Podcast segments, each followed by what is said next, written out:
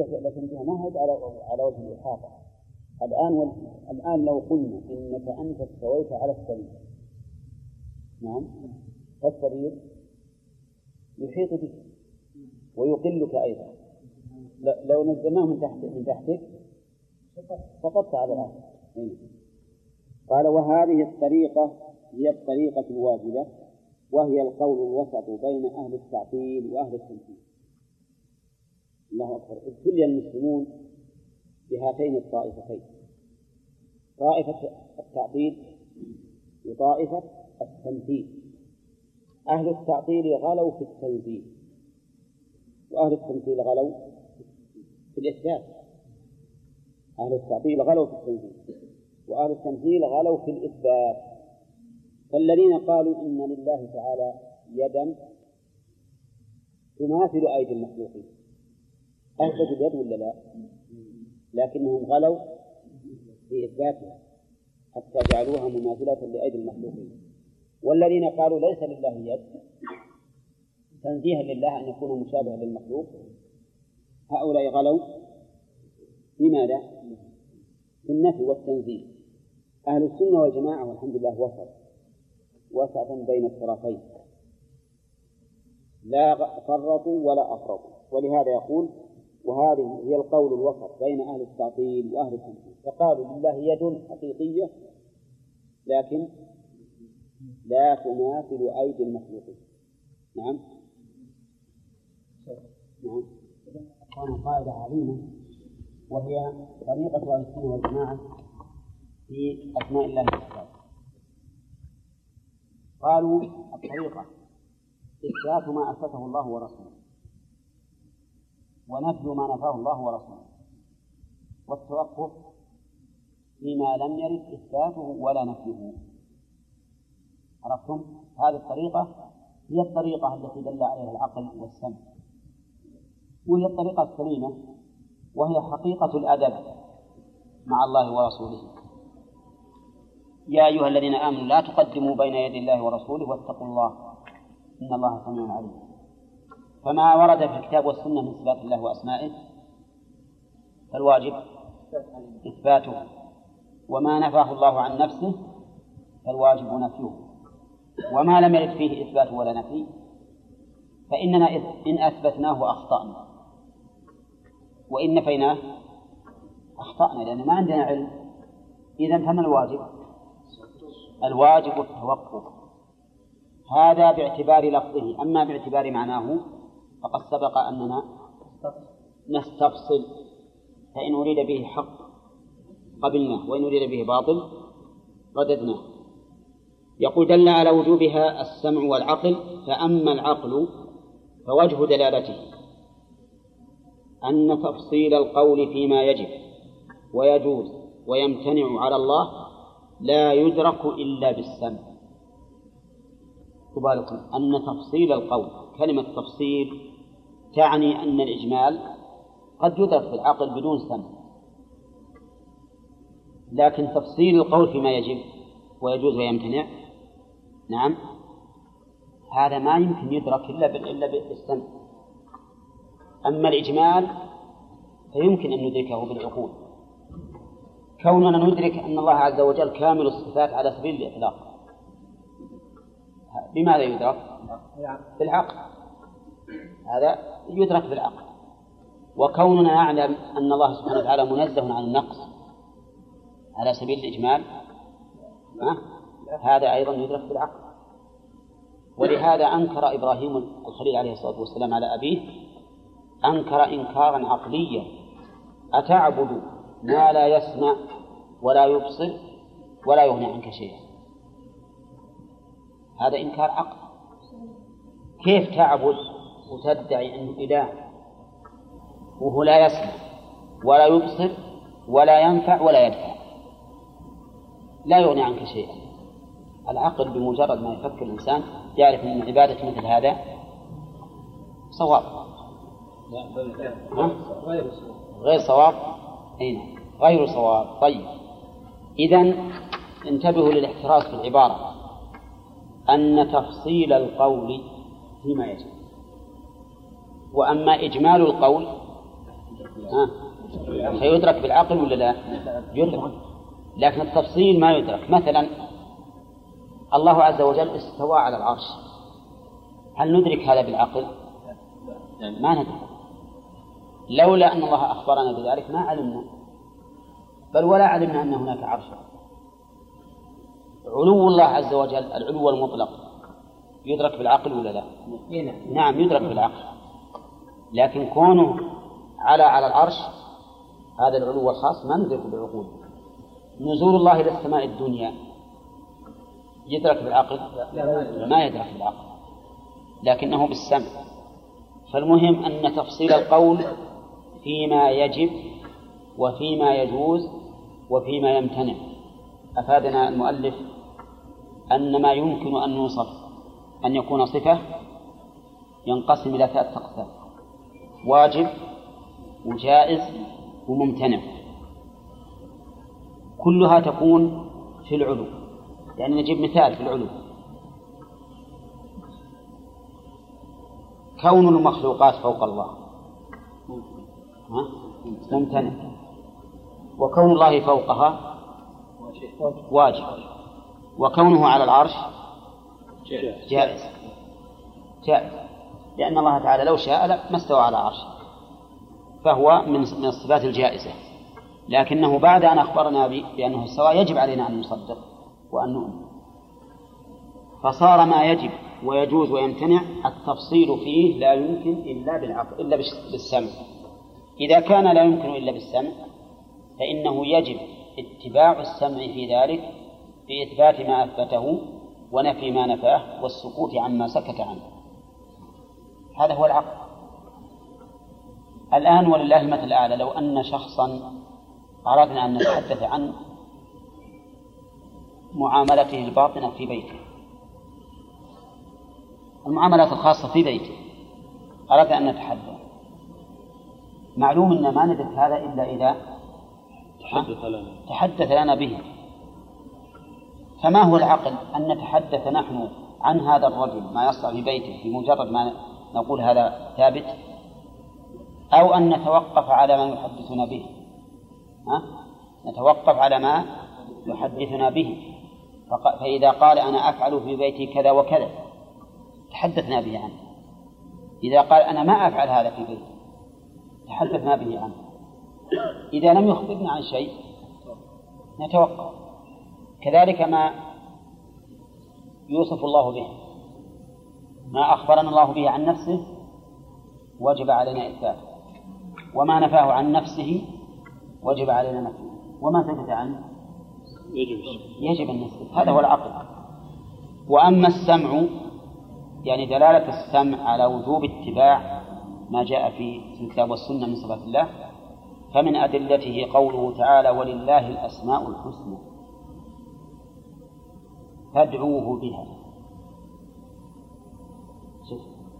دعاؤه بها وش تستلزم؟ التصديق. والإثبات. التصديق والإثبات. إذا نثبت الأسماء الحسنى بمقتضى هذه الآية. وقول فادعوه بها دعاء الله تعالى بأسمائه عبد السلام. اسمه عبد السلام؟ عبد الوهاب. عبد الوهاب. دعاء الله تعالى بأسمائه. ينقسم إلى قسمين الأول أن تجعلها وسيلة لما تدعو به. تجعلها وسيلة لما تدعو به. فتقول اللهم يا غفور اغفر لي. ويا عزيز امنعني من الأعداء. كذا. ويا تواب تب علي. ويا رزاق ارزق هذا من الدعاء به. أن تجعلها وسيلة لما تدعو به. نعم.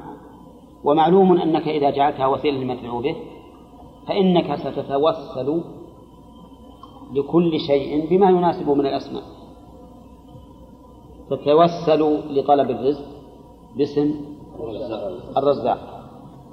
لو ولطلب المغفرة باسم الغفور. لو قال قائل اللهم يا شديد العقاب اغفر لي أعوذ بالله يجوز هذا ولا لا؟ ها؟ ما يجوز ها؟ إنه ما هذه ما يناسب هذا لأنك لو تقول لرجل يا بخيل أعطني ها؟ يرفعك على الوجه يقول هذه عطية البخيل دقيقة يا أخي إذا دعاؤه بها أن تتوسل له أن تتوسل بها لما تدعو بها. قال أهل العلم وإذا كان إذا جعلها وسيلة لما يدعو به فإنه يدعو لكل شيء بما يناسبه من الأسماء. بما يناسبه من الأسماء. طيب إذا أردت أن تسأل الله أن يعلمك ها؟ يا عليم علمني يا عليم علمني أو يا معلم علمني؟ ها؟ المعلم ليست من أسماء الله. المعلم ليست من أسماء الله. إذا يجوز أن نسأل الله سبحانه وتعالى لطلب العلم بما يدل على الفضل والجود. فنقول فنقول اللهم يا جواد علمني أو جد علي بالعلم أو ما أشبه ذلك. نعم؟ أما ما أراد أن يسأل عبد الوهاب وإن كان فيه غفلة فإن قوله تعالى ويعلمكم الله هذه صفة. ولا يشتق من الفعل اسما. الأسماء ما الصفة ما يشتق منها اسم. ولهذا لو قال قائل أنا بسمي الله بالماكر لأن الله قال ويمكرون ويمكر الله قلنا ما يجوز. هنا. ودي إنك تنتبه أكثر. تفهم أكثر. واتقوا الله ويعلمكم إيه. طيب هذه نعم.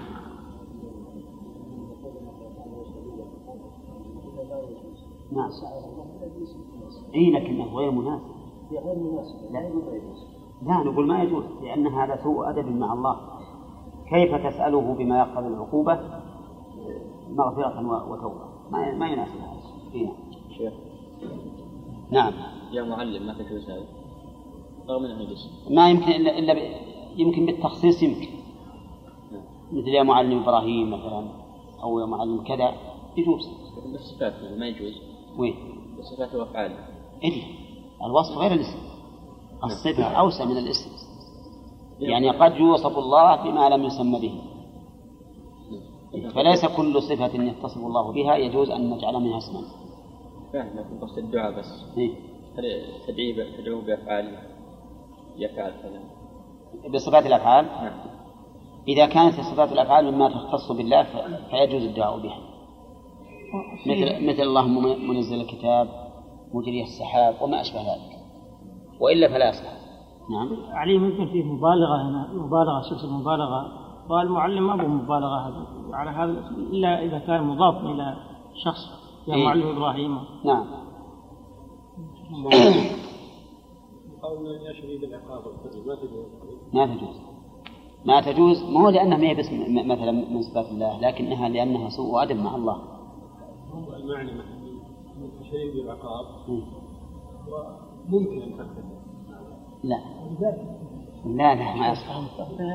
كلها غفور اغفر لي. ولهذا الرسول لما علم أبا بكر قال فاغفر لي مغفرة من عندك وارحمني. ها؟ إنك شديد العقاب. أو إنك انت الغفور الرحيم نعم لو قلت يا شديد العقاب لمن عصاك؟ امنعني من معصيتك يمكن تقول هذا.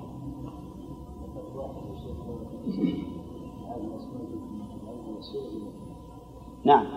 القسم الثاني أن يتعبد لله تعالى بمقتضاه. أن يتعبد لله بمقتضى هذه الأسماء. لأن العبادة من الدعاء. كما قال تعالى وقال ربكم ادعوني أستجيب لكم إن الذين يستكبرون عن عبادتي سيدخلون جهنم داخلا. فما معنى أن يتعبد لله بمقتضاها إذا علم أن الله شديد العقاب. تجنب كل ما يكون سببا لعقابه. إذا علم أنه غفور رحيم تعرض لكل ما يكون سببا لمغفرته. إذا علم أنه الرزاق ها. تعرض لكل ما يكون فيه الرزق أن يعلم أن الله هو الرزاق والتجأ في طلب الرزق إلى الله عز وجل. فهذا معنى قوله فادعوا بها المعنى الثاني أو القسم الثاني. وذروا الذين يلحدون في آياته اتركوهم. ذروا الذين يلحدون في آياته اتركوهم. فادعوا بها.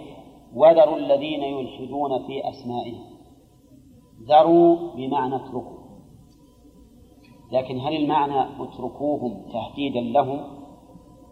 فإن الله تعالى سيعاقبهم بقوله سيجزون ما كانوا يعملون. أو المعنى ذروا طريقتهم ويكون قول سيجزون استئنافا. نقول الآية تحتمل المعنيين وكلاهما صحيح. اتركوا طريقة الملحدين فإنهم سيعاقبون. أو اتركوا هؤلاء لا تبالوا بهم لا تبالوا بهم فإنهم سيعاقبون. كما في قوله تعالى ذرني ومن يكذب بهذا الحديث سنستدرجهم من حيث لا يعلمون. وقوله يلحدون في أسمائه الإلحاد أظنه مر أو سيأتي؟ ها؟ سيأتي إن شاء الله نتركه حتى يأتي. وقوله ليس كمثله شيء وهو السميع البصير وقوله ولا تقف ما ليس لك به علم. تقف معناه تتبع مأخوذة من القفع لأن المتبع يكون وراء الإنسان. ما ليس لك به علم يعني أي شيء ما لك به علم لا تتبعه سواء ما يتعلق بصفات الله وأسمائه أو ما يتعلق بأحكام الله عز وجل. أو حتى ما يتعلق بما يدور بين الناس في يومياته. اللي ما له علم؟ لا تتبعه ولهذا جاء في الحديث كفى بالمرء إثما أن يحدث بكل ما سمع. فأنت الإنسان ينبغي لك أنك تطمئن ولا تحدث بكل ما سمعت. وقد حدثتكم عن جماعة أتون إلينا من أفغانستان. وقالوا لنا أن فيهم شيء من الشرك وكذا وكذا وأتوا بكتاب من مؤلفاتهم. وفي, في اليوم الماضي وفي اليوم الذي قبله يزم علي ناس من الرياض يقولون إن هذا كذب. وأن الجماعة ذولا ناس من السلفيين متشددين جدا وأنهم ما تهيأ لهم أن يقبلوا بسرعة فأرادوا أن يشوهوا سمعة هؤلاء المقاتلين. الأفغانيين وبناء على هذا بقينا الآن بين ميزانين. قليل نعم. ما هم. نعم. قليل منهم هذا قليل منهم إيش؟ يعني السلفيين إيه؟ الموحدين. فبقينا بين بين ميزانين. إذا ما ما موقفنا الآن وقد جاء جاءت الكفة الأخرى. ها؟ لا نقف ما ليس لنا به علم. ونقول نترك.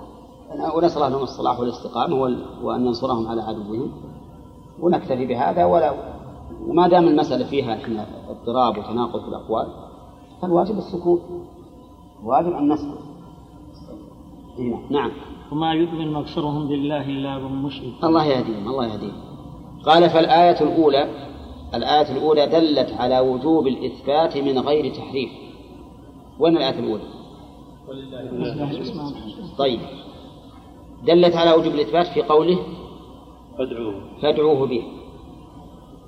وأيضا في مجرد بمجرد الخبر ولله الأسماء الحسنى يجب علينا الإثبات لأنه خبر الله وهو حق.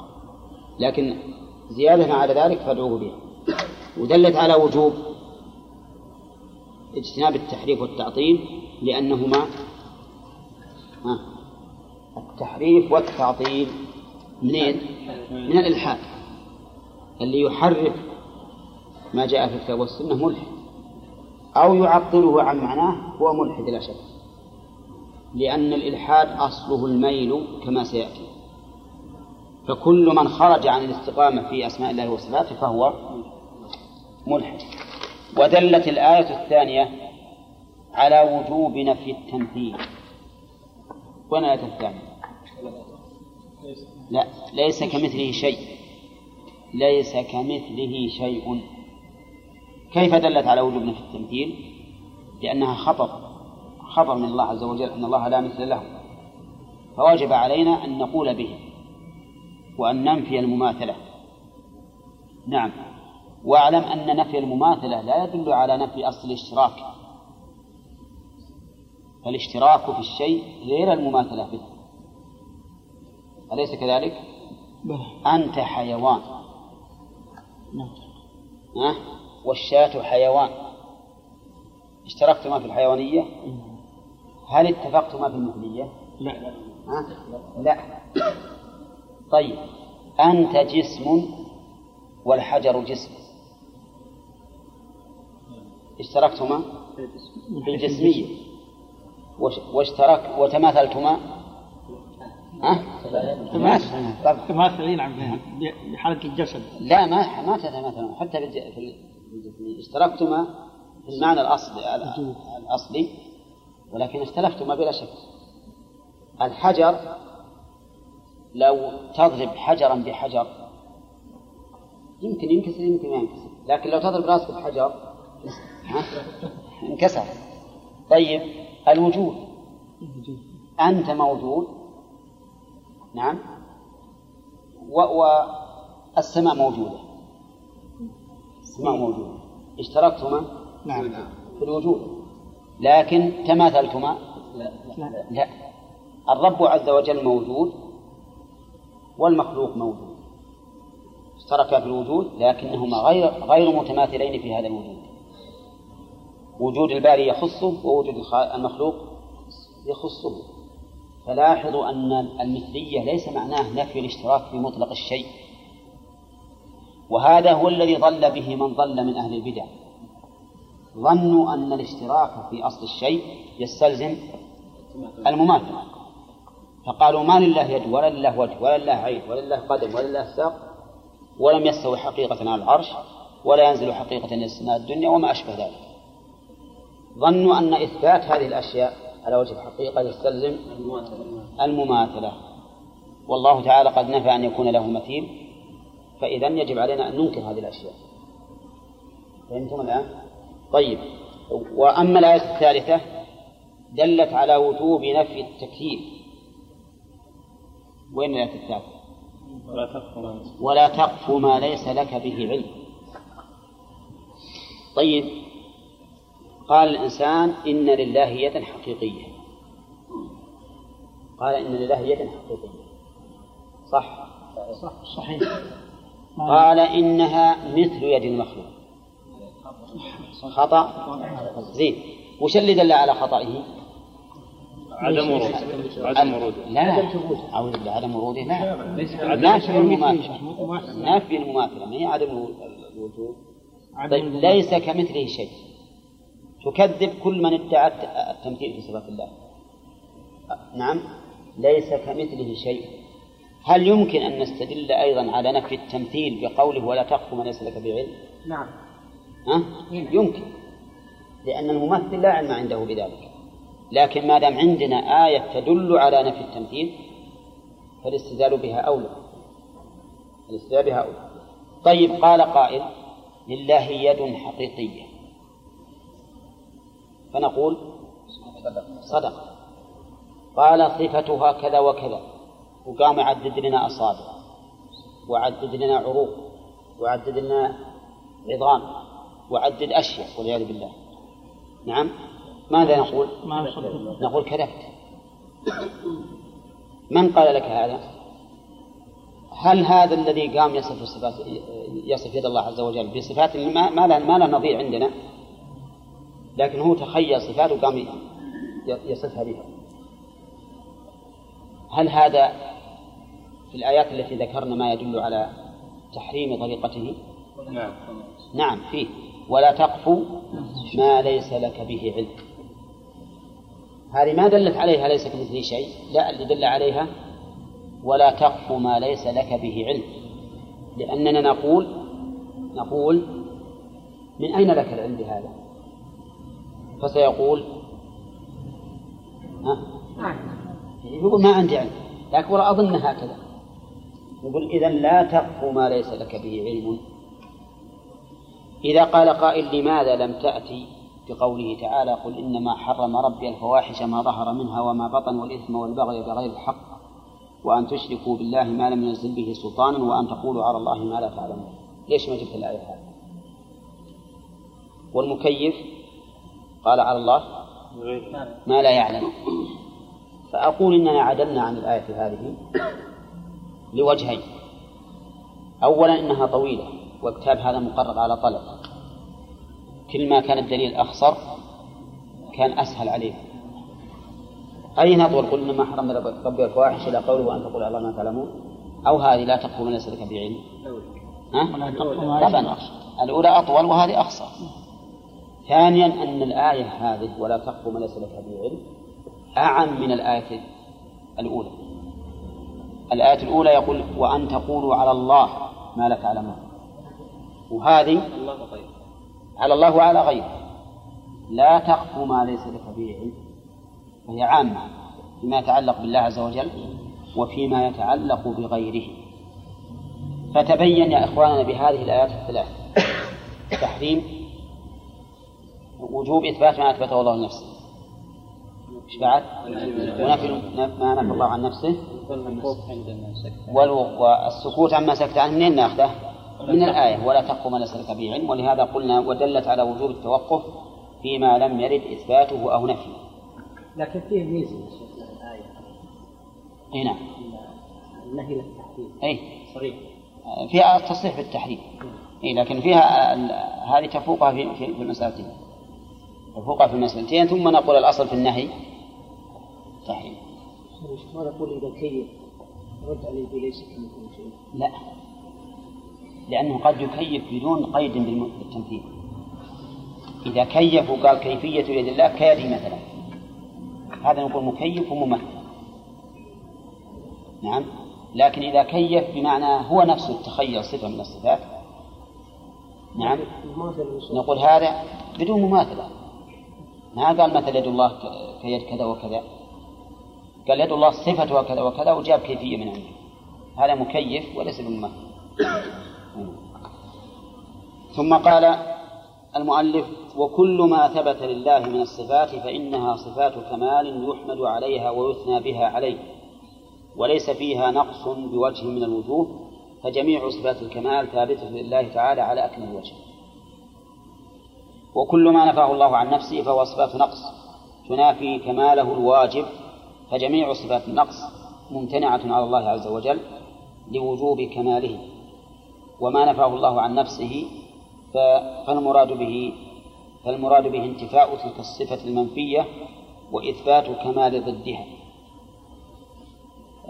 أظن القاعدتان أظن أن القاعدتان القاعدتين السابقتين واضحة. من كل صفات الكمال كل ما أثبته الله فهو صفة كمال. كل ما نفاه فهو صفة نقص. طيب.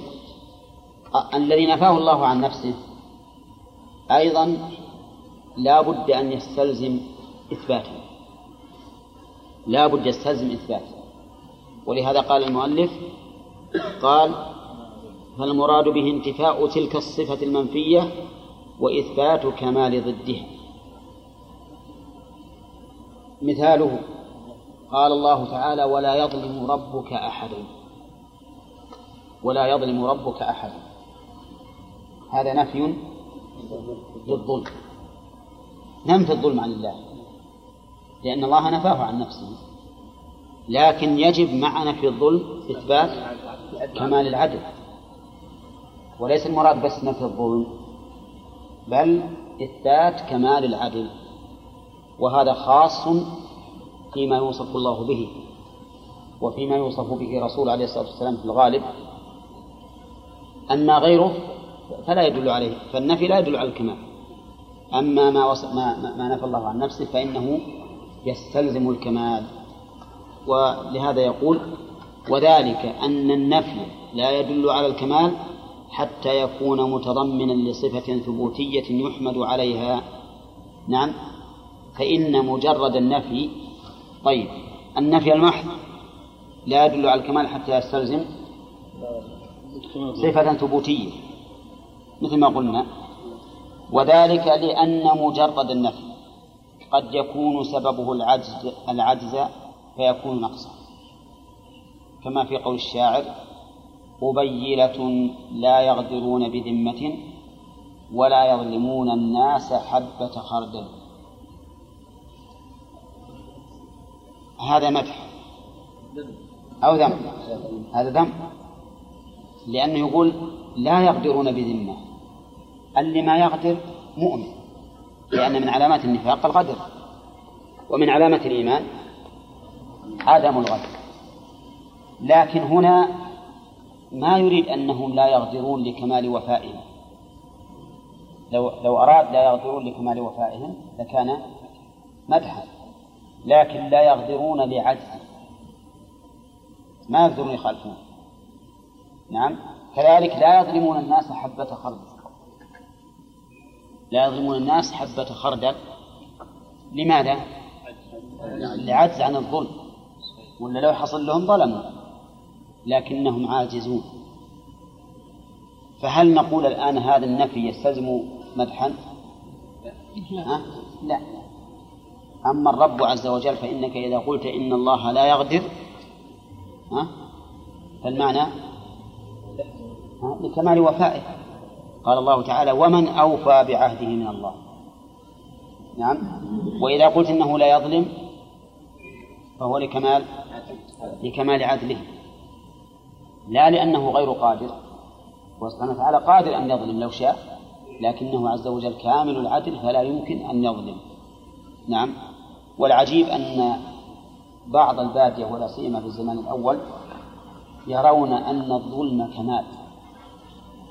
يرون أن الظلم كمال وأن من لا يظلم فهو ناقص وجبان حتى أن الرجل إذا خطب منهم قالوا تعال هل غار على قوم فأخذ إبلهم أو غنمهم؟ إن قالوا نعم قال خلاص نزوجهم على طول. وإن قالوا لا ترددوا في قبول خطبته نعم لأنهم يرون أن اللي ما يفعل هذا معناه أنه جبان ذليل ما يقدر يزين شيء وعلى هذا يحمل هذا البيت.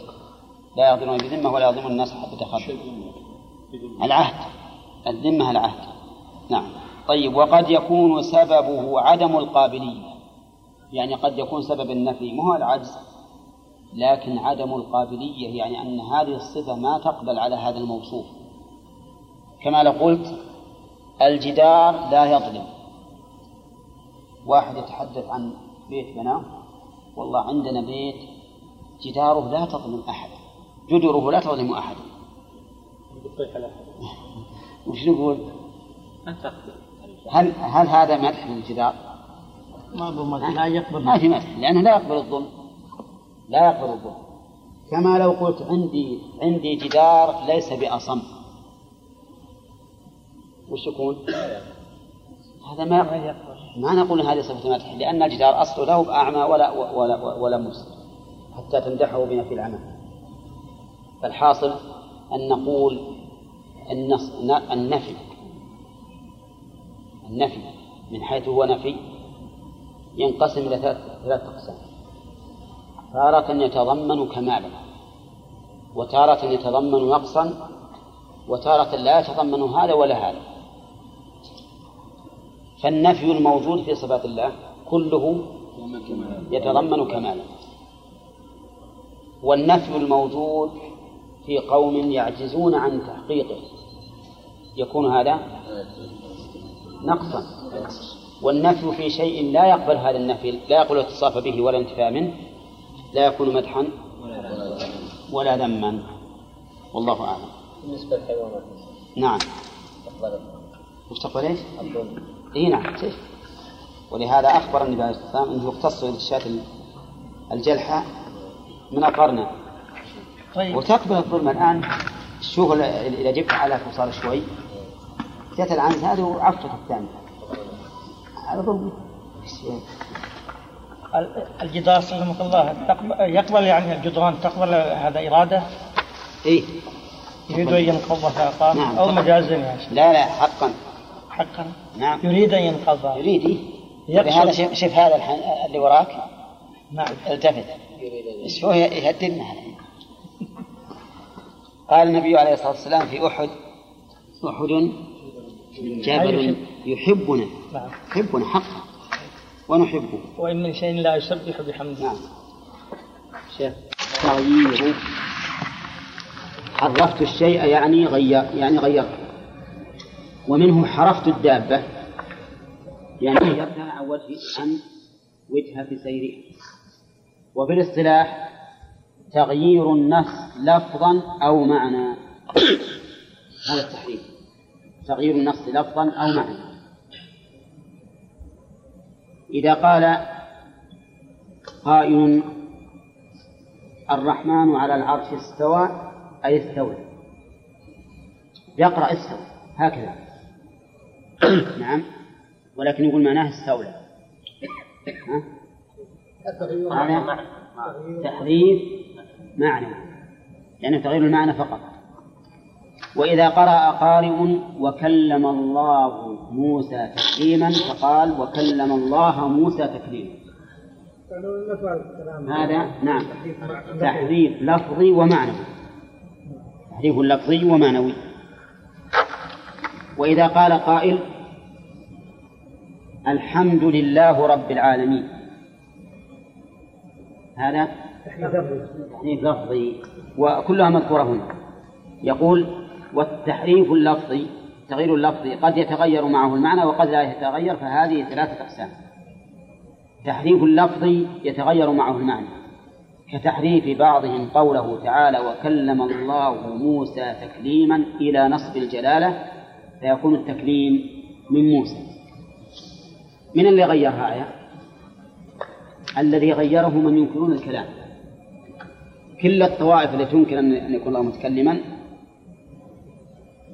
يغيرون هذا. يقول وكلم الله موسى تكليما. يصير المكلم من؟ موسى. هو الفاعل. واستطاعوا أن يقولوا ذلك لأن موسى معتل بالألف. ما تضع أهل الحركات؟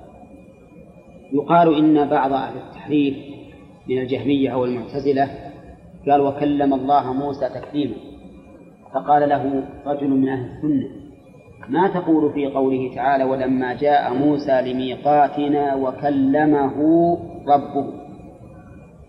فبهت الذي حرف. يقدر يحرف الآن؟ كلمه الضمير هنا ضمير نصب. ما يمكن يقبل غير غير النصب. ها؟ وكلمه أي كلم موسى. ما قال وكلم ربه.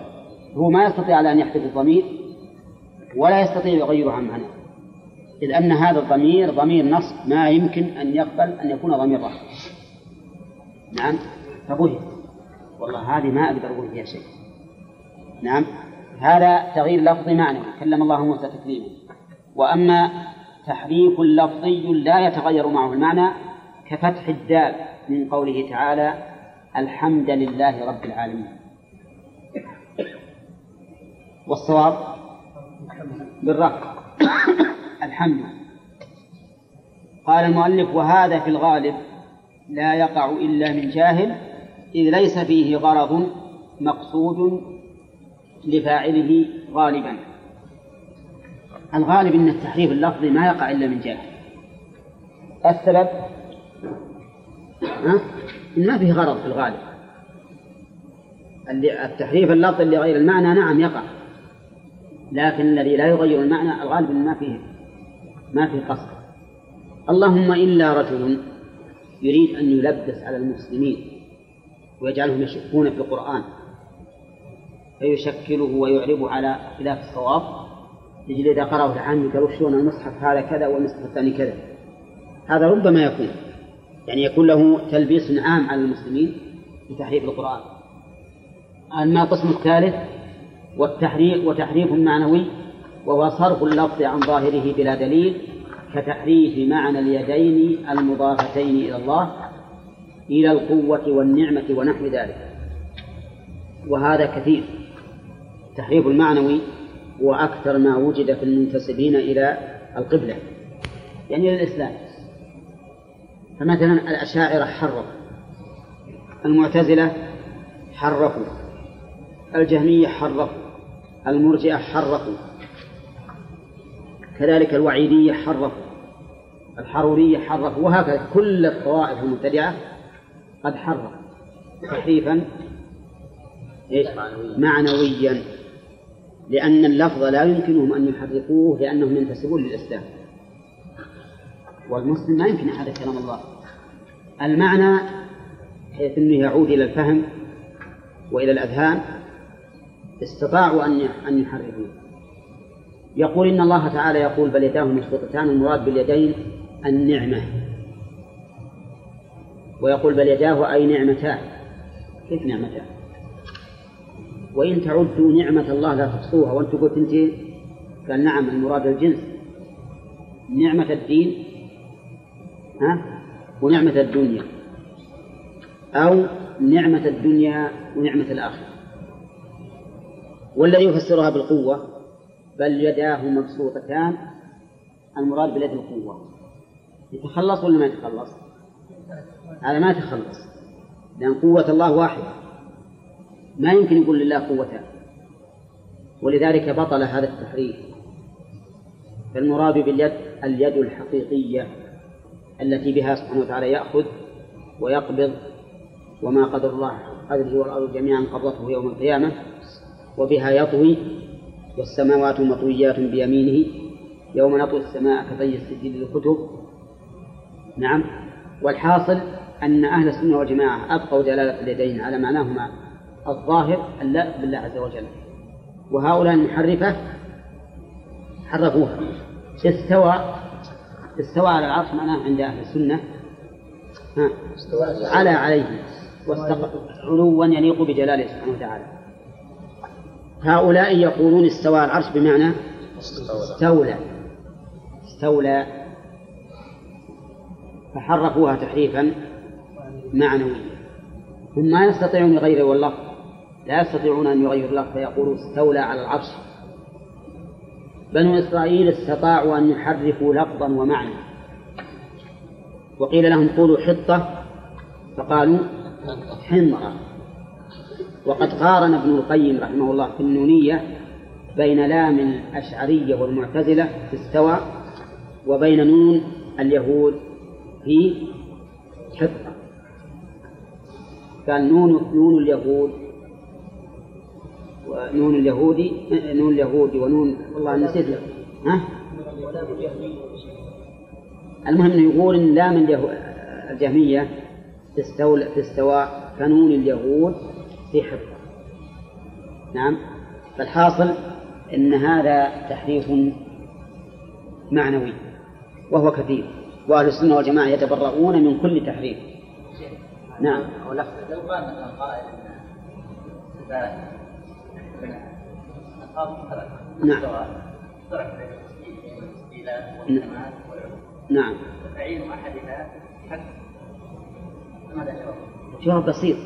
نقول كل الألفاظ المشتركة التي لها معاني متعددة يعين المعنى الواحد السياق. فلا يمكن أن تكون استوى على كذا بمعنى كمل. ما يمكن تكون هكذا. ولا يمكن أن تكون بمعنى قصد لأن عدت بعلى كما أنك لو قلت عندي عين منقودة ولي عين جارية. نعم. ولي عين قوية النظر. كلمة عين في كل موضع متحدث المعنى. ما يمكن يراد بعين الأولى عين الثانية ولا ولا بعين الثانية عين الثالثة. فاللفظ المشترك يعين معناه السياق. عين المراد نعم. وجده مقصودتان نعم. وش السياق؟ المقصود إيه؟ ما يمكن. لأنهم هم يقولون يد الله مغلولة. قال الله تعالى غلت أيديهم ولعنوا بما قالوا بل يداه مبسوطتان ينفق والإنفاق إنما هو باليد. الإنفاق يكون باليد. الأصل في الإعطاء والإنفاق والدفع أن يكون باليد. فقوله ينفق كيف يشاء أي بهاتين اليدين. هذا واضح. ثم إننا لو لو فسرناه بالنعمة النعمة ما هي بواحدة وإذا فسرناها بالجنس وهو يقول ينفق كيف يشاء وإنفاقه لا يزال مستمرا وكثيرا بطل أن نقول أنها نعمة واحدة. تخلص ما يمكن كل إنسان يريد التخلص بما لا يمكنه من سياق اللفظ ما يطاع المكابر. ثم نقول له ماذا تقول في قوله تعالى لما خلقت بيدي؟ نعدل إلى ما نعدل إليه إبراهيم. قال إبراهيم فإن الله يأتي بالشمس من المشرق فأتي بها من المغرب. ماذا تقول بالآية هذه؟ ما يستطيع يتخلص بقوتي ما يمكن الله له قوتين ها؟ التعظيم ما يمكن يكون بالتثنية الدالة على الحصر. التعظيم يكون بالجمع صحيح لأنه تجري بأعيننا. أما أن يكون بالعدد المحصور باثنتين فهذا ما يمكن أن يكون.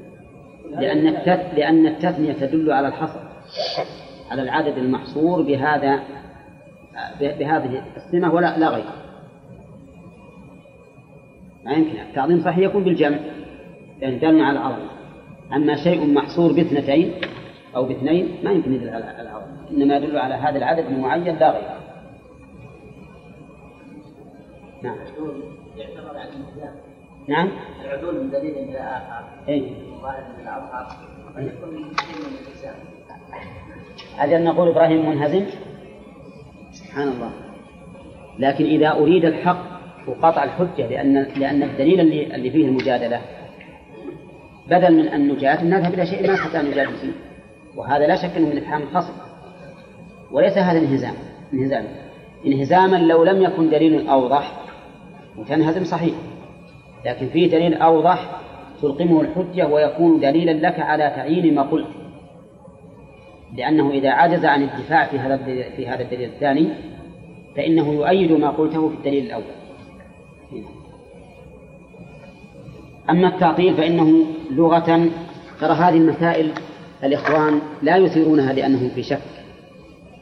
الذين أوردوا هذا الإيراد لا تظنوا أنهم في شك من هذا أو أنهم يذهبون مذهب المعطلة لكن يريدون استخراج الأشياء لأن الإنسان قد يقابل قد يقابل بشخص إنكار ما يجب أو إنكار بعضه. فهو إذا نوعان تعطيل كلي كتعطيل الجهمية الذين أنكروا الصفات وغلاتهم ينكرون الأسماء أيضا. الجهمية أنكروا الصفات. وقالوا ما لله صفات أبدا. وبعضهم أنكر الأسماء. وقال ما لله أبدا. سبحان الله الله يقول وهو السميع البصير. وش هذا؟ قالوا السميع الخالق للسمع في غيره. والبصير الخالق للبصر في غيره. وما أشبه ذلك من التحريفات الباطلة. ومعلوم أن هذا خلاف ظاهر اللفظ والقرآن نزل بلغة باللغة العربية. ولا يفهم أحد من أهل العرب من أهل العربية في مثل وهو السميع البصير إلا أن المراد المتصف بالسمع والبصر وأن ذلك من أسمائه هم ينكرون الأسماء غلاتهم وعامتهم ينكرون الصفات ويقرون بالأسماء. لماذا؟ لأنهم يقولون لو أثبتنا لله أسماء لزم التمثيل. لأنك تقول الله هو السميع والإنسان سميع. وتقول الله هو الحي والإنسان يوصف بأنه الحي يخرج الحي من الميت. نعم؟ فجعلناه سميعا بصيرا وما أشبه ذلك. فأنت إذا أثبتت هذه الأسماء لله لزم من ذلك التماثل. فيقال هذا غير صحيح. لأنه كما تقدم في الدرس الماضي الاشتراك في مطلق الأصل لا يعني المماثلة في الحقيقة. أولى ولهذا يقال لهذا الرجل حيوان ويقال للبقر حيوان وليس الحيوان كالحيوان. أولى ويقال للنبات حي وللإنسان حي وليست الحياة كالحياة ولا الحي كالحي. نعم. لماذا اختلف الخاص والعام؟ إيش؟ الخاص والعام أو لا يفهمون الصفات لا معنى عامتهم مو بالعامة اللي ما يفهمون عامتهم يعني أكثر العام يعني الأكثر. إيه. وتعطيل جزئي كتعطيل الأشعرية الذين ينكرون بعض الصفات دون بعض. الأشعرية ينكرون بعض بعض أكثر الصفات. ويقرون ببعض. والذين يقرون به سبع صفات فقط. وهي الحياة والعلم والقدرة والسمع والبصر والإرادة والكلام. نعم. حي عليم قدير والكلام له. شاخ البيت. إرادة وكذاك السمع والبصر. حي عليم قدير والكلام له. هذه أربع.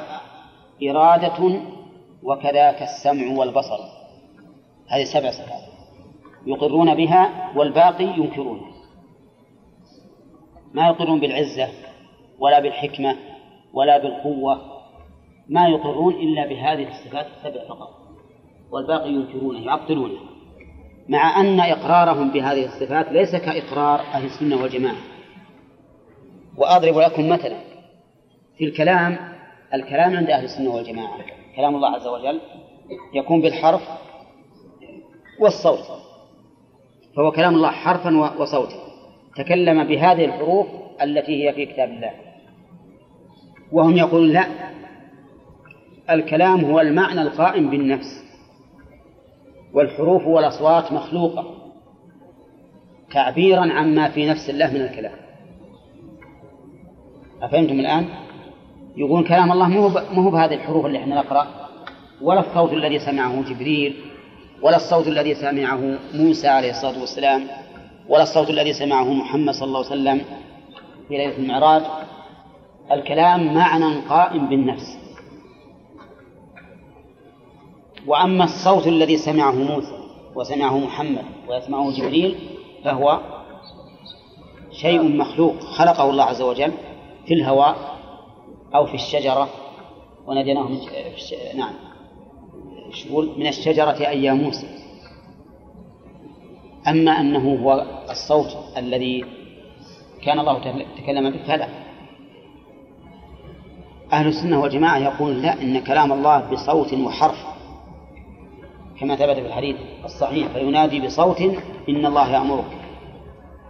بين الرسول أنه بصوت وكذلك أيضا قال الله تعالى وناديناه من جانب الطور الأيمن وقربناه نجيا. والنداء هو الدعاء بصوت مرتفع. حقيقة الأمر أن الأشاعرة في مسألة الكلام كالمعتزلة سواء. بل شر من المعتزلة في من بعض الوجوه. المعتزلة يقولون إن الكلام اللي هو المصحف هذا يقولون هو كلام الله حقيقة ولكنه مخلوق. يخلق الله أصواتا وحروفا ويقول إنها كلامه على سبيل التشريك والتعظيم وليس صفة من صفاته. وأولئك يقولون إن الله تعالى إن هذا القرآن اللي في المصحف ليس كلام الله بل هو عبارة عن كلام الله عبارة عن كلام الله. وكلام الله تعالى هو المعنى القائم بالنفس. فأولئك يقولون عن عن المعتزلة والجهمية يقولون هذا اللي في المصحف كلام الله لكنه مخلوق. وهؤلاء يقولون إنه ليس كلام الله وهو مخلوق وإنما كلام الله الذي هو صفته هو ما في نفسه من المعاني. وحقيقة الأمر أنهم لم يثبتوا كلاما. لأن ما يكون في النفس لا يسمى كلاما أبدا. أنت الآن لو أردت أن تقوم بخطبة من الخطب وقدرت في نفسك كلام رتبت مثلا بعناصره وماذا تقول؟ هل تسمى متكلما؟ ها؟ لا. ما تكون متكلما حتى يخرج منك الصوت. ولهذا لما أراد الله تعالى القول النفس قيده. فقال ويقولون في أنفسهم لولا يعذبنا الله بما نقول. وقيد ذلك بالنفس. قال وأول من عرف بالتعطيل من هذه الأمة هو الجعد بن درهم. الجعد بن درهم هذا هو أول من عرف بالتعطيل من هذه الأمة. نعم. كيف ذلك؟ أظن باقي عليه شوي. نعم. باقي. طيب الجعد بن درهم أول ما تفوه فيه من التعطيل كلمتان. قال إن الله لم يتخذ إبراهيم خليلا ولم يكلم موسى تكليما. هذا أول ما تكلم به. فلما كان يوم عيد الأضحى خرج به خالد بن عبد الله القصري رحمه الله موثقا وطلب منه الرجوع عن رأيه فأبى أن يرجع. فخطب الناس خالد بن عبد الله القصري لأنه هو الوالي على جهة وقال لهم أيها الناس ضحوا تقبل الله ضحاياكم فإني مضح بالجعد بن درهم إنه زعم أن الله لم يتخذ إبراهيم خليلا ولم يكلم موسى تكليما ثم نزل من المنبر فضحى به ذبح نعم؟ البقرة عن سبع والبدنة عن سبع. وهذا عن مئات الآلاف. ولهذا قال ابن القيم شكر الضحية كل صاحب سنة. لله درك من أخي قربان. فأثنى عليه. قال لله درك من أخي قربان. وهكذا ينبغي المفسدين في الأرض أن لا يتأنى بهم. لا يتأنى بهم. إذا أصروا على ما هم عليه فلا أريح من القتل لهم ولغيرهم. أما لهم فلأنهم يسلمون من بقية شر أنفسهم. لأنهم إذا بقوا ازدادوا إثما. قال الله تعالى ولا يحسبن الذين كفروا أنما نملي لهم خير لأنفسهم. ها؟ إنما نملي لهم ليزدادوا إثما. فنحن إذا قتلنا هذا المجرم المفسد في الأرض أحسنا إليه غاية الإحسان حتى لا يزداد إثما. وثانيا أريح لغيرهم من شرهم. أريح لغيرهم من شرهم. لأنهم لأن الناس يسلمون من شرهم من بقية شرهم الذي بثوه ثم إن الناس ينتهون عما هم عليه وينزجرون. لأن كثيرا من الناس الإيمان في قلوبهم ضعيف ما يرجعهم إلا الردع السلطاني. فهذا الذي فعل خالد بن عبد الله القصري بالجعد بن درهم هذا من خير ما يكون. الجعد بن درهم أخذها عنه الجهم بن صفوان. وكان الجهم بن صفوان أخبث منه وأقوى منطقا. فنشر هذه البدعة وجعل لها عللا وجعل لها شبهات حتى انتشرت من الجهم بن صفوان. ولهذا يسمى المذهب مذهب الجهمية لا الجعدية وإلا في الأصل إنه من الجعد بن درهم. يقول شيخ الإسلام ابن تيمية إنه قد قيل إن الجعد بن درهم من أرض حران في الشام وأن فيها أناس من الصابئة والفلاسفة والكلدانيين الذين يعبدون النجوم وغيرهم وأنه قد تأثر بمذاهبهم. ثم إنه يقول إنه قد اتصل بطالوت ابن أخت لبيد بن الأعصم الذي سحر, سحر النبي صلى الله عليه وسلم. فتكون إذن هذه المقالة مستمدة من اليهود ومن المجوس والمشركين والفلاسفة والصابئين. فهي والعياذ بالله خبث مجمع. حتى انتهت إلى ما انتهت إليه من المحن العظيمة لأهل الإسلام واللي منكم قرأ التاريخ يعرف ما جرى للإمام أحمد رحمه الله وللعلماء في وقته من البلايا التي حصلت لهم بسبب هذه البدع الخبيثة نسأل الله السلامة نعم. ها؟ نعم. ناصري والله ما ما ندري يمكن يقال يمكن يقال. أو يشكر على هذا الفعل. نعم. ويذم عن الفعل الآخر. لا مانع أن الإنسان إذا كان فيه سببان أحدهما يقتضي الذم أن يذم من هذا الوجه ويمدح من وجه آخر ما دام على الإسلام. نعم. ذكر الذهبي في سير اعلام النبلاء انه بنى كنيسه الجمعه في الشام ما هو بالله صحيح. هو يقال هكذا لكن ما أظن. ما أظن. شيخ القصة هذه أنه ضحى بالجعل نعم. كثر المحققين في الحديث فيها مجهول لا تعطيل ولا تكييف ولا تنزيل وأن التحريف ينقسم إلى قسمين. لفظي ومعنوي فالمعنوي أن يبقى اللفظ على ما هو عليه ولكن يغير المعنى. واللفظ أن يغير اللفظ ثم قد يتغير به المعنى وقد لا يتغير. مثال التحريف المعنوي. قوله تعالى جاء يوم القيامة وجرحه يثعب دما لونه لون الدم والريح ريح المسك. نعم. فقال كلم الله أي جرحه بمخالب الحكم أعوذ بالله. نعم. طيب التحريف اللفظ الذي يتغير به المعنى؟ عباس. يتغير به المعنى؟ نعم. إن هذه على حد قول العرب خرق الثوب المسمار. ها. خرق الثوب. أي المسمار. معلوم أن أن المخروق ثوب. الثوب. ومع ذلك رفع. إنما يخشى الله من عباده العلماء. المخشي هو الله عز وجل. ومع ذلك رفع. ويقول هم يقولون إنه إذا كان الفاعل والمفعول معلوما بالعقل جاز تغيير اللفظ من أجل من أجل ذلك.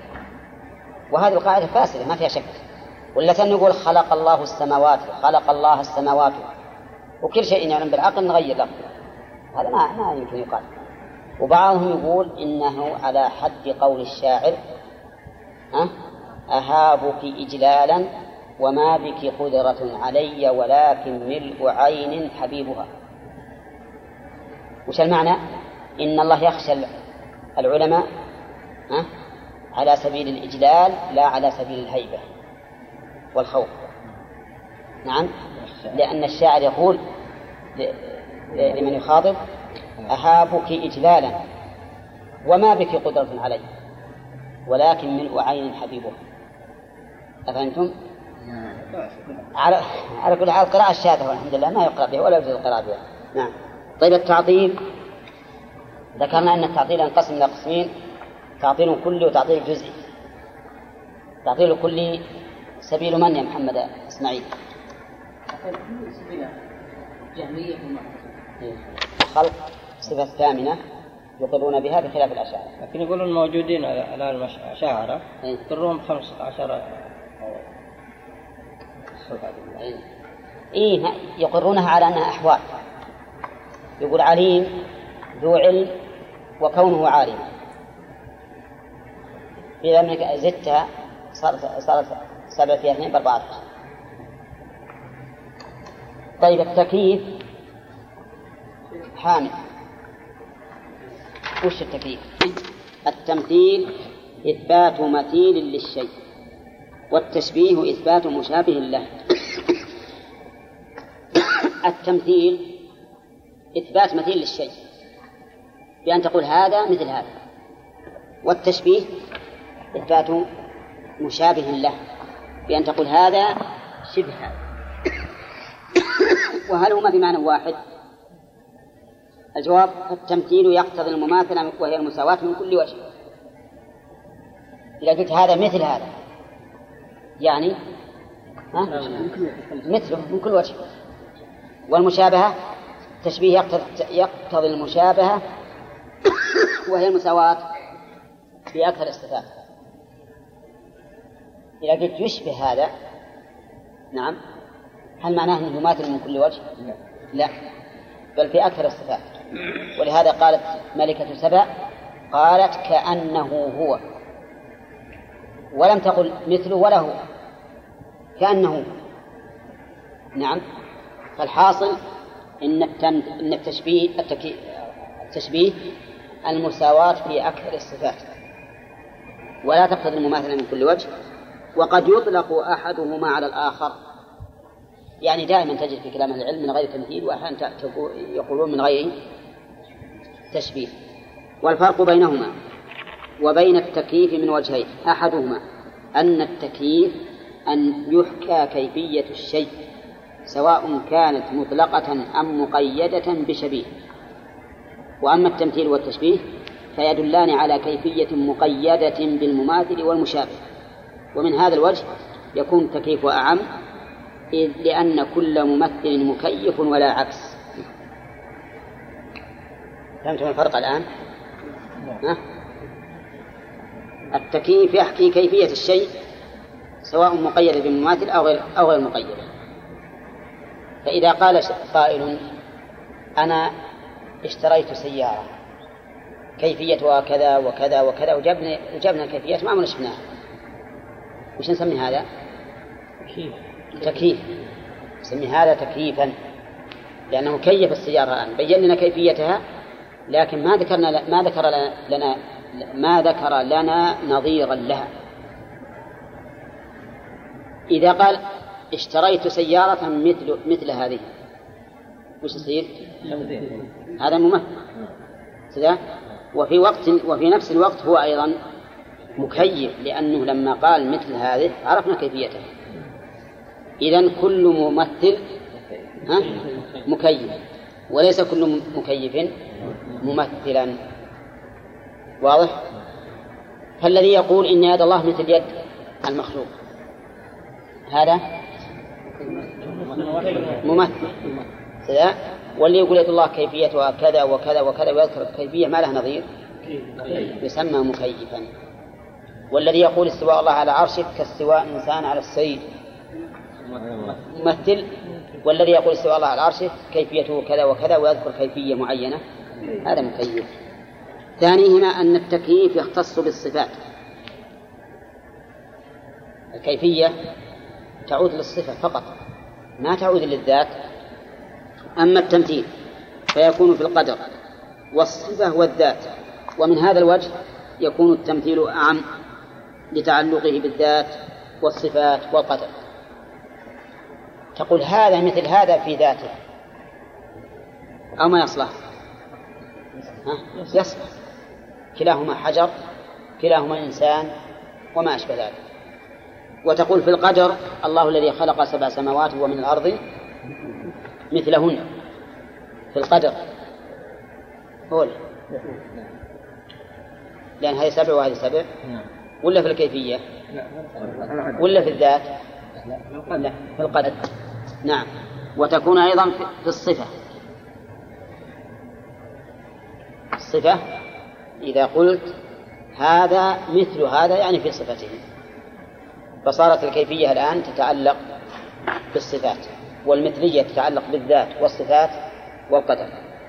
ثم التشبيه الذي ضل به من ضل من الناس على نوعين أحدهما تشبيه المخلوق بالخالق والثاني تشبيه الخالق بالمخلوق. تشبيه المخلوق بالخالق هذا يسلكه الغلاة في البشر أو في المخلوقات. فالذين عبدوا اللات والعزى ومنات وهبل شبهوا إيش؟ المخلوق بالخالق. والذين قالوا إن الله مثل الناس في كذا وكذا وكذا شبهوا الخالق بالمخلوق. فأما تشبيه المخلوق بالخالق فمعناه إثبات شيء للمخلوق مما يختص به الخالق من الأفعال والحقوق والصفات. انتبهوا للتعريف. تشبيه المخلوق بالخالق.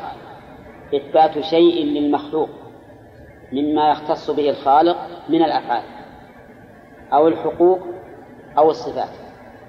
فالأول كفعل من أشرك في الربوبية ممن زعم أن مع الله خالقا.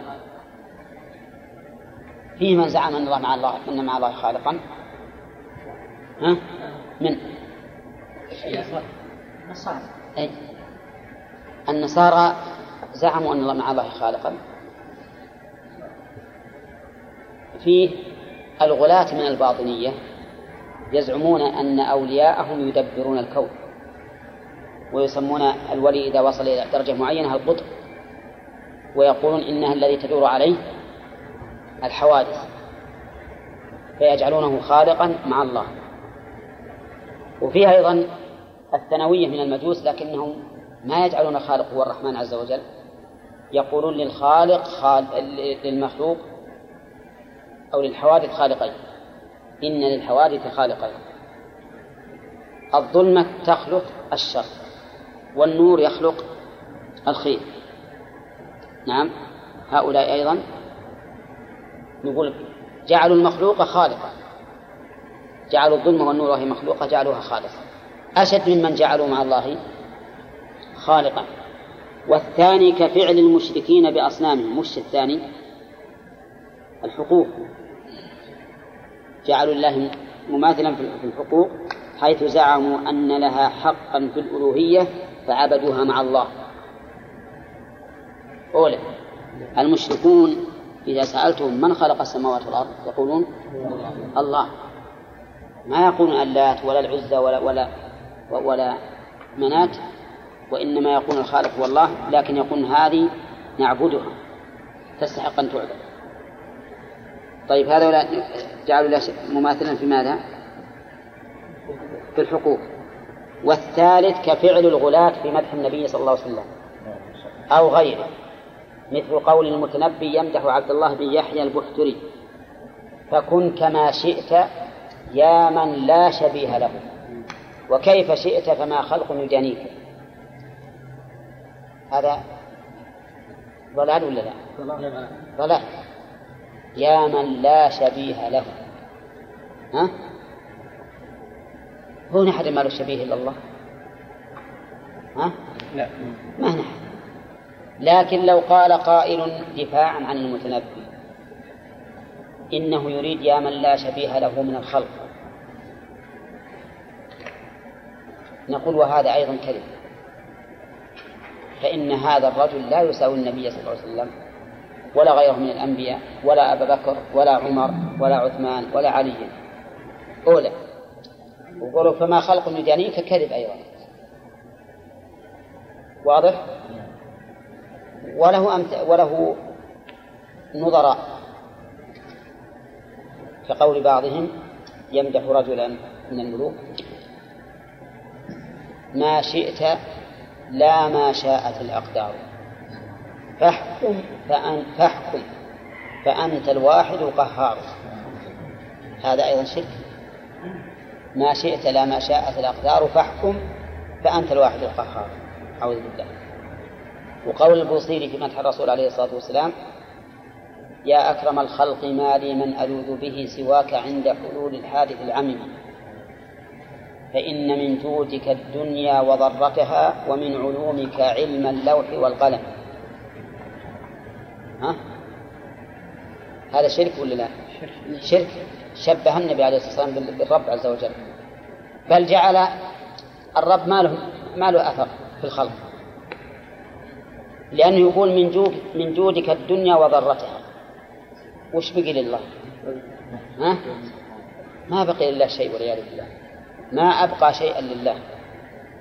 ومن علومك علم اللوح والقلم. من علومك ما هو كل علومك بعد؟ علم اللوح والقلم. وهذا أيضا لا يكون إلا لله رب العالمين. والنبي عليه الصلاة والسلام يقول أمره الله أن يقول قل لا أقول لكم عندي خزائن الله ولا أعلم الغيب ولا أقول لكم إني ملك إن أتبع إلا ما يوحى إلي. كيف نقول من علوم علم اللوح والقلم؟ ومع ذلك تعتبر هذه القصيدة عند بعض بعض المعاصرين والسابقين أيضا من غرر القصائد وأفضلها وأعظمها. نعم يترنمون بها فيما يبتدعونه من الأعياد. كعيد الميلاد مثلا. ويرون هذا من أعظم ما يكون حبا للرسول عليه الصلاة والسلام. وفي الحقيقة أن الرسول عليه الصلاة والسلام ما جاهد من جاهد من المشركين إلا إلا بمثل هذه الأقوال. بل إن المشركين ما وصلوا إلى هذا المصاب المشركين ما يدعون أن الرسول عليه الصلاة والسلام يعلم الغيب ولا يدعون أن الدنيا والآخرة منه من جوده أبدا. ومع ذلك الرسول عليه الصلاة والسلام قاتلهم واستباح دماءهم وأموالهم ونساءهم وذراريهم. إي نعم. شيخ؟ نعم. طيب كلام المتنبي هذا؟ قال انه شرك يمكن مبالغه في الحسن لكن هل يصح أن نقول لشخص إنه لا شبيه لك؟ يعني مبالغه يعني في زمن. ولا في زمن. فما خلق نكرة في سياق النفي؟ في خلقه نعم. لا تعتذرون عنه. هو من الشعراء الذين يتبعهم الغاوون. الذين في كل واد يهيمون. لا شك. إنما نحن ليس, ليس لنا إلا الظاهر. قد يكون هذا الرجل يقول هذا الكلام وهو لا يعتقد. لكن ما علينا من عقيدة.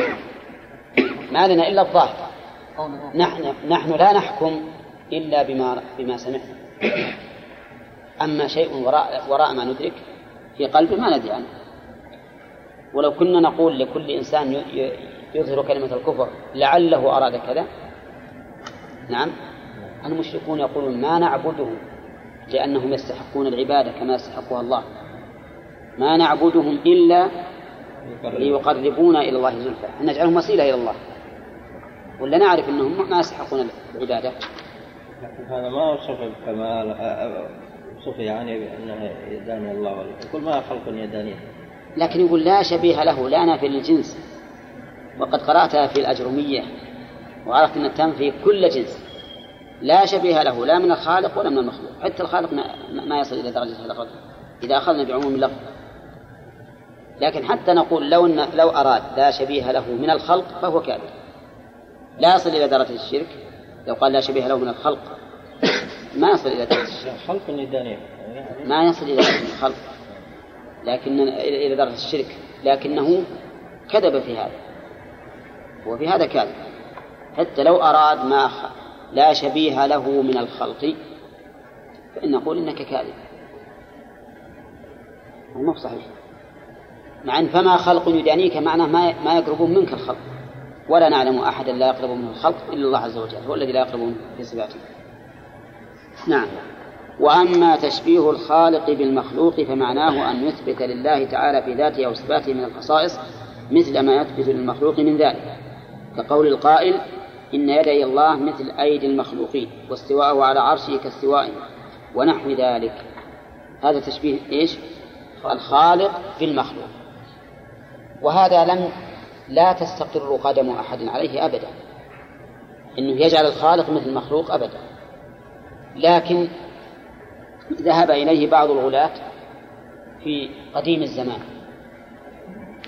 ذهبوا إليه وأول من عرف به هشام بن الحكم أحد أئمة الرافضة. وهو أول من تكلم بالتشبيه ودعا إليه. أما متأخر الرافضة فذهبوا إلى مذهب المعتزلة وهو إنكار الصفات على العكس من هذا. فتبين الآن أن التشبيه الذي حصل به الضلال ينقسم أو يتنوع إلى نوعين. أحدهما تشبيه الخالق بالمخلوق والثاني تشبيه المخلوق بالخالق. فتشبيه المخلوق بالخالق أن يثبت للمخلوق من الخصائص ما لا يكون إلا لله. نعم. والثاني أن يثبت للخالق من الخصائص ما يكون من خصائص المخلوقين. أن يثبت له من الصفات ما يكون من خصائص المخلوقين. وكلاهما ضلال. كلاهما ضلال. نعم. كلهم درجة واحدة يا شيخ. نعم. كلهم درجة واحدة. لا. لا ما ما كلهم في درجة واحدة. أيهن أبلغ عندك؟ تشبيه الخالق المخلوق أنت قصد أن الكامل أيضا وكلاهما ضلال. ثم قال المؤلف الإلحاد. الإلحاد في اللغة الميل. الحد بمعنى مال. وفي الاصطلاح الميل عما يجب اعتقاده أو عمله. لاحظ يا أخي. الإلحاد في اللغة الميل قالوا ومنه في الأمور الحسية اللحد. لأنه يحفر في جانب القبر غير متوسط. ولا لا؟ ويسمى المتوسط وش يسمى؟ شقا. قال وفي الاصطلاح الميل عما يجب اعتقاده أو عمله. هذا فالفاسق يعتبر ملحدا والساجد للصنم يعتبر ملحدا. والمعتقد في الله ما لا يجوز يعتبر ملحدا. ولهذا قلنا عما يجب اعتقاده وهذا يتعلق بأعمال القلوب. أو عمله يتعلق بتصديق القلوب. أو عمله يتعلق بأعمال الجوارح وأعمال القلوب. وهو قسمان أحدهما في أسماء الله والثاني في آيات الله. والدليل على هذا التقسيم قوله تعالى ولله الأسماء الحسنى فادعوه بها. وذروا الذين يلحدون في أسمائه سيجزون ما كانوا يعملون. فذكر الله تعالى الإلحاد في الأسماء. أما في الآيات فقال تعالى إن الذين يلحدون في آياتنا لا يخفون عليه. أفمن يلقى في النار خير أم من يأتي آمنا يوم القيامة؟ فبهاتين الآيتين تبين أن الإلحاد يكون في أسماء الله ويكون كذلك في آياته. فالإلحاد في أسمائه هو العدول عن الحق الواجب فيها. لأنه ما عما يجب. يعدل عن الحق الواجب في هذه الأسماء. وهو أنواع. الأول أن ينكر شيئا منها أو مما دلت عليه الصفات كما فعل المعطلة. هذا النوع هو أعلاها والعياذ بالله وأخبثها أن ينكر شيئا منها من الأسماء. مثل أن ينكر العزيز الحكيم القدير وما أشبهه. وقد وجد هذا فإن غلاة الجهمية ينكرون الأسماء. يقولون إن الله ما هو بعليم ولا سميع ولا بصير ولا عزيز ولا حكيم إلى آخره. أثبت هذا لنفسه؟ قالوا إن معناه السميع خالق السمع في غيره. خالق السمع في غيره. الحكيم خالق الحكمة في غيره. فأضيف فسمى الله به نفسه من باب الإضافات لا من باب الحقائق. نعم. أو ينكر ما دلت عليه من الصفات. وقد علمنا أن أسماء الله إن كانت متعدية دلت على الذات والصفة والأثر. فيثبت الاسم ويثبت ما تضمنه من الصفة ويثبت الحكم المترتب على ذلك الذي يسمى الأثر. فالسميع مثلا تثبت أن أن السميع من أسماء الله. أولا تثبت الصفة وهي السمع.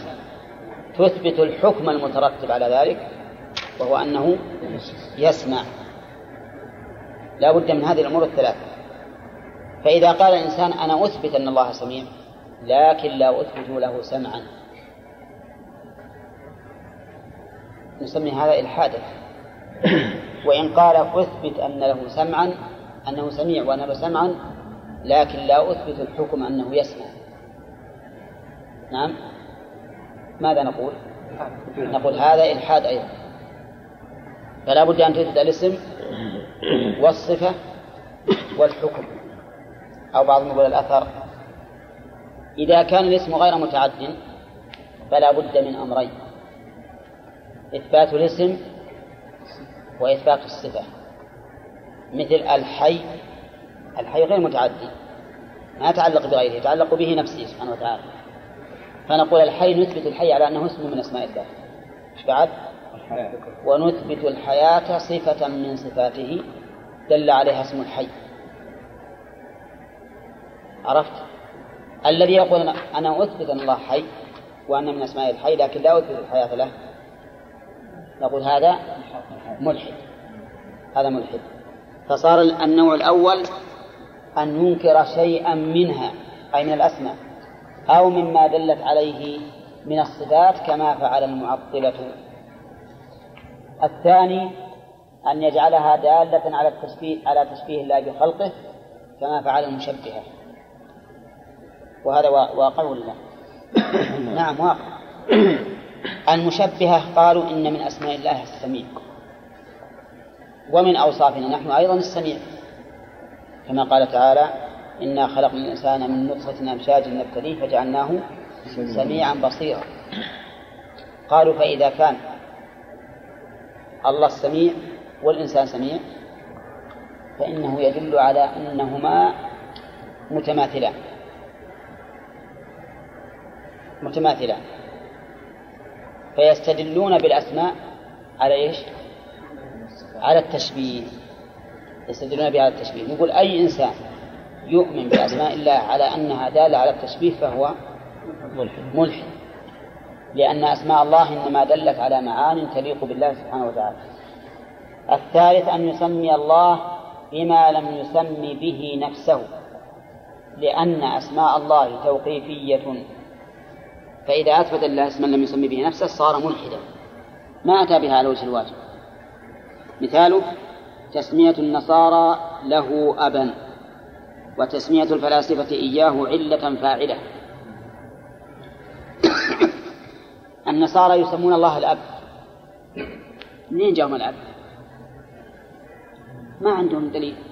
ليس عندهم دليل. إذن فهم ملحدون حيث خرجوا عما يجب في أسماء الله وصفاته. وأسماء الله توقيفية.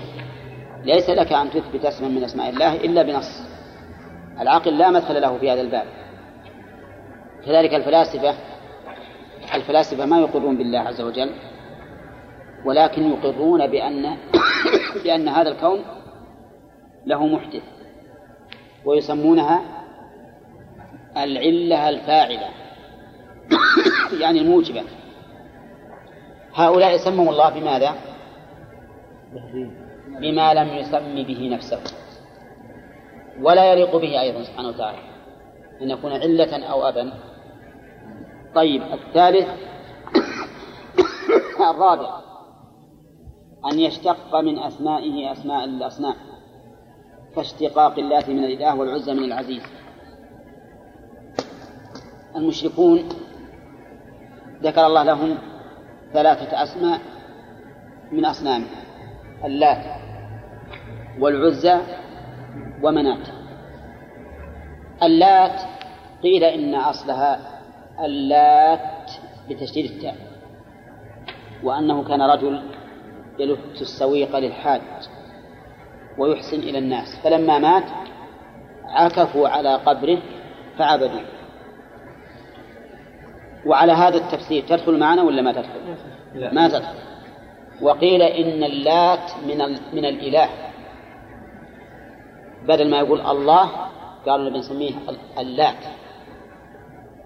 تغيير بسيط بس. ما قالوا الله غيروا تغييرا بسيطا وقالوا اللات. منين؟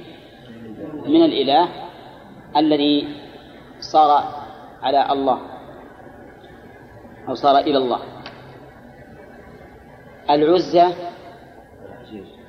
العزة من العزيز. أخذوها من العزيز. وأخذوا منات من المنان. من المنان. فاشتقوا من أسماء الله أسماء لأصنامهم ليضفوا عليها شيئا من العظمة وأن بينها وبين الخالق مناسبة. فهذا مأخوذ من الله وهذا مأخوذ من العزيز وهذا مأخوذ من منين؟ من منات طيب هذا إلحاد. قال وأما الإلحاد في آياته. فيكون في الآيات الشرعية وهي ما جاءت به الرسل من الأحكام والأخبار ويكون في الآيات الكونية وهي ما خلقه الله ويخلقه في السماوات والأرض. آيات الله تعالى نوعان كونية وشرعية. فالكونية هذه المخلوقات في السماوات والأرض. والشرعية ما جاءت به الرسل من الأحكام والأخبار. فالإلحاد في القسم الأول الأخبار والأحكام. فأما الإلحاد في الآيات الشرعية فهو تحريفها. أو تكذيب أخبارها أو عصيان أحكامها ثلاثة أمور. تحريف الآيات الكونية يكون بواحد من أمور ثلاثة. الشرعية نعم. في الآيات الشرعية يكون بأمور بواحد من أمور ثلاثة. الأول التحريف. اللفظي ولا المعنوي؟ نعم كلاهما. لأن تحريفها ميل عما يجب فيها. أو تكذيب أخبارها. يعني يقول هذا ما هو صحيح. أو الشك فيها. أو عصيان أحكامها فالمعصية إلحاد لأن الإنسان خرج بها عما يجب أن يكون عليه من طاعة الله عز وجل. وأما الإلحاد في الآيات الكونية فهو نسبتها إلى غير الله أو اعتقاد شريك أو معين له فيها. نسبتها إلى غير الله وش معناه؟ إنه يقول اللي خلق السماوات والأرض مو بالله. اللي خلق الخير مو بالله. اللي خلق الشر مو بالله. نقول هذا ملحد ولا لا؟ ملحد. كذلك لو نسب لله شريكا فيها وقال إن الله اللي خلق السماوات هو الله وجبريل. يقول هذا أيضا إلحاد. أو معين بأن قال نعم الذي خلق الله الذي خلق هذه المخلوقات هو الله لكن له من يساعده. قاموا وش الاسمين؟ الإلحاد في الأسماء والإلحاد في الآيات. كلاهما حرام. والدليل قوله تعالى وذروا الذين يلحدون في أسمائه سيجزون ما كانوا يعملون. فهدد هؤلاء بقوله سيجزون ما كانوا يعملون والتهديد لا يكون إلا على محرم. وقال تعالى في التهديد في الحرف الآيات إن الذين يلحدون في آياتنا لا يخفون علينا أفمن يلقى في النار خير أم من يأتي آمنا يوم القيامة؟ هذا يدل على توعدهم بماذا؟ توعدهم بالنار. إن توعدهم بالنار وأنهم لا يأتون آمنين يوم القيامة. اعملوا ما شئتم إنه بما تعملون بصير. ومنه ما يكون كفرا يعني منه ما يكون ما يصل إلى حد الكفر حسب الأدلة الشرعية.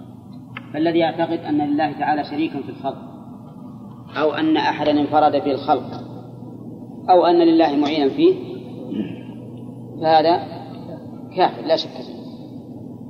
والإلحاد بالآيات بعض المعاصي هذا لا لا يكون المهم أن المسألة تحتاج إلى تفصيل ويرجع فيها إلى ما تقتضيه الأدلة. من الكفر أو الفسوق ثم قال الباب الرابع في صحة مذهب في بيان صحة مذهب السلف. اعلم أن كلمة السلف تعني السلف زمنا والسلف معتقدا. فإن أريد بالسلف معتقدا صح أن نقول لمن هم موجودون الآن على مذهب السلف نقول إن هؤلاء سلف. وإذا قلنا إن السلف هم السابقون زمنا. فإنه يختص بالقرون الثلاثة المفضلة الصحابة والتابعون وتابع التابعين. وكل الأمرين قد استعمله أهل العلم. فتارة يريدون بالسلف من كان على طريقة السلف وإن كان متأخرا زمنا. وتارة يقولون يريدون بالسلف القرون الثلاثة المفضلة. نعم. يريدون بها القرون الثلاثة المفضلة ولهذا تجد مثل يقول إذا قال وهذا ما ذهب إليه سلف الأمة وأئمتها ماذا يريدون بالسلف هنا؟ ها؟ القرون الثلاثة المفضلة ولهذا قال وأئمتها فأخرجهم عن عن السلف وهذا يعني السلف زمنا وتارة يقول هذا مذهب السلف وهذا مذهب الخلف ويريدون بهم السلف معتقدا لا زمنا وهنا ما المراد صحة مذهب السلف؟ معتقدا وبطلان القول بتفضيل مذهب الخلف في العلم والحكمة